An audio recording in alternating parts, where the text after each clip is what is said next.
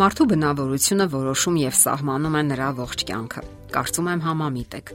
Կարևոր են նաև հանգամանքները եւ գենետիկան։ Սակայն վերջին հաշվով առաջնային դերը պատկանում է մարդու աշխարհայացքին ու որոշումներին։ Իսկ ահա այդ ամենի հիմքում մեծ դեր է խաղում մարդու նյարդային վիճակը։ Մենք բոլորս էլ մեր կյանքում զգացել ենք զայրույթ, անվերահսկելի իրավիճակների, անznական խնդիրների պատճառով, որոնք տխրեցնում են մեզ։ Հոգնածության, անապահովության, նախանձի, վատ հիշողությունների պատճառով, որոնք մենք չենք կարող ընդունել, եւ նույնիսկ որոշ մարդկանց պատճառով, որոնց վարքագիծը մենք չենք ընդունում։ Երբեմն անհաջողություններն ու կյանքի պլանների փլուզումը կարող են հիասթափություն, զայրույթ եւ ագրեսիա առաջացնել։ Իսկ ինչ է զայրույթը։ Զայրույթը բուրըն բնույթի բացասական հուզական ռեակցիա է. Կամ հակազդեցություն, էմոցիա, որը կարող է ուղեկցվել ինչպես կենսաբանական, այնպես էլ հոգեբանական փոփոխություններով։ Զայրույթի ինտենսիվությունը տատանվում է դժգոհության զգացումից մինչև կատաղություն։ Ըստ մասնագետների, որքան էլ նյարդերի խնդիրը բնածին լինի, կարելի է վերահսկել սեփական վարքը եւ նյարդային դրսևորումները։ Հարկավոր է նաեւ հասկանալ, որ նյարդային բնավորությունը մանկական վաղ տարիների սխալ դաստիարակության հետևանք է։ Նյարդային բռնկումները կարող են վերածվել հիվանդագին երևույթների։ Զայրույթի պատճառով դժում է սրտանոթային համակարգը նկատվում է վեգետատիվ նյարդային համակարգի ակտիվություն, սրտխփոց, քրտնարտադրություն, արյան ճնշումը բարձրանում է, սրտի հաճախությունն ու շնչառությունը դառնում են հաճախակի, դեմքն արյունալեցվում է կոկորտին կարծես գունդ է կանգնած։ Մկանային լարվածություն է նկատվում, կծկումներ, ճափազանցված զգուշություն շրջապատի մարդկանց հանդեպ։ Մարդն անընդհատ կարծես լարված ու գրգռված է։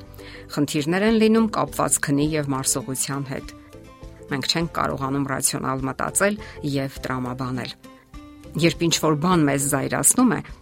ամիգդալան, որը ուղեղի այն մասն է, որը պատասխանատու է զգացմունքների մշակման ու պահպանման համար, օգնության համար դիմում է հիպոթալամուսին, որը նաև պատասխանատու է մեր տրամադրության համար։ Այդ պահին ադրենալինը սկսում է արտազատվել, որpիսի մեր մարմինը պատրաստի հնարավոր սպառնալիքներին։ Հետևաբար, երբ մենք նյարդայնացած ենք կամ զայրացած, մեր սրտի հաճախությունը մեծանում է եւ մեր զգայարանները ավելի լարված են։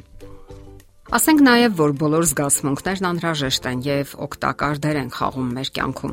Այո, զայրույթը եւս անհրաժեշտ է ուշահավետ, քանի որ այն օգնում է արձագանքելու ցանկացած իրավիճակի, որը մենք ընկալում ենք որպես սпарնալիք, ինչպես նաև հնարավորություն է տալիս դիմակայելու ցանկացած հանգամանքի, որը խանգարում է մեր ծրագրերին։ Այն տալիս է անհրաժեշտ քաջությունն ու էներգիան եւ նվազեցնում վախի զգացումը, ինչը թույլ է տալիս մեզ ավելի լավ հաղթահարելու դժվարություններն ու անարթարությունը ողջունությունը։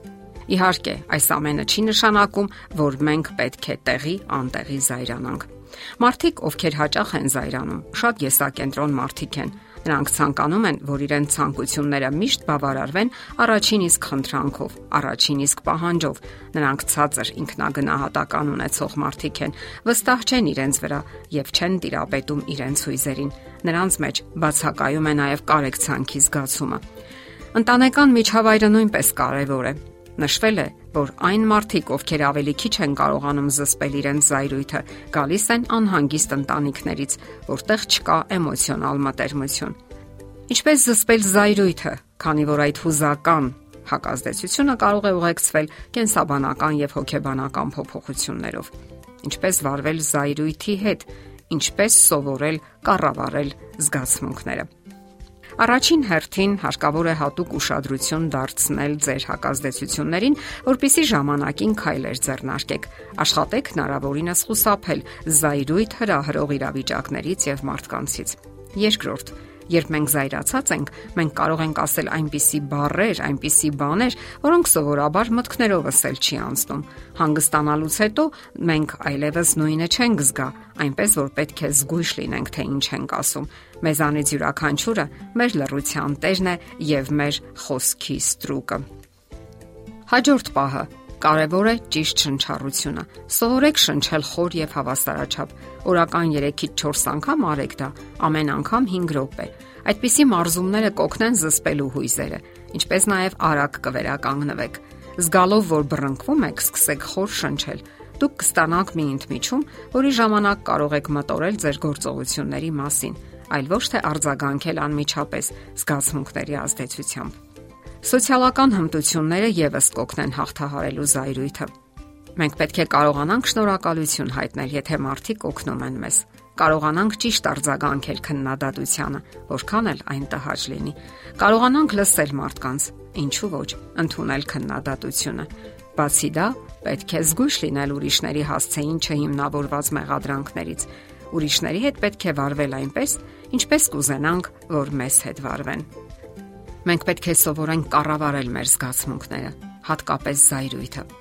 Հիշենք, զայրույթը, որ արտահայտում ենք ֆիզիկապես կամ բանավոր, երբեք չի կարող արդարացում լինել ուրիշների հանդեպ վատ վարքագծի համար։ Ամենաբարձր բղավողը չէ համարցակ եւ ոչ էլ վախկոտենա, ով լռում է։ Չի կարելի լսել անհիմն խոսքերը կամ հիմար վիրավորանքները։ Միշտ հիշիր, երբ վնասում ես ուրիշներին, առաջին հերթին վնասում ես քեզ։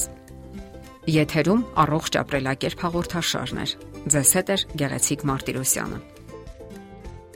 Հարցերի եւ առաջարկությունների համար զանգահարել 033 87 87 87 հեռախոսահամարով։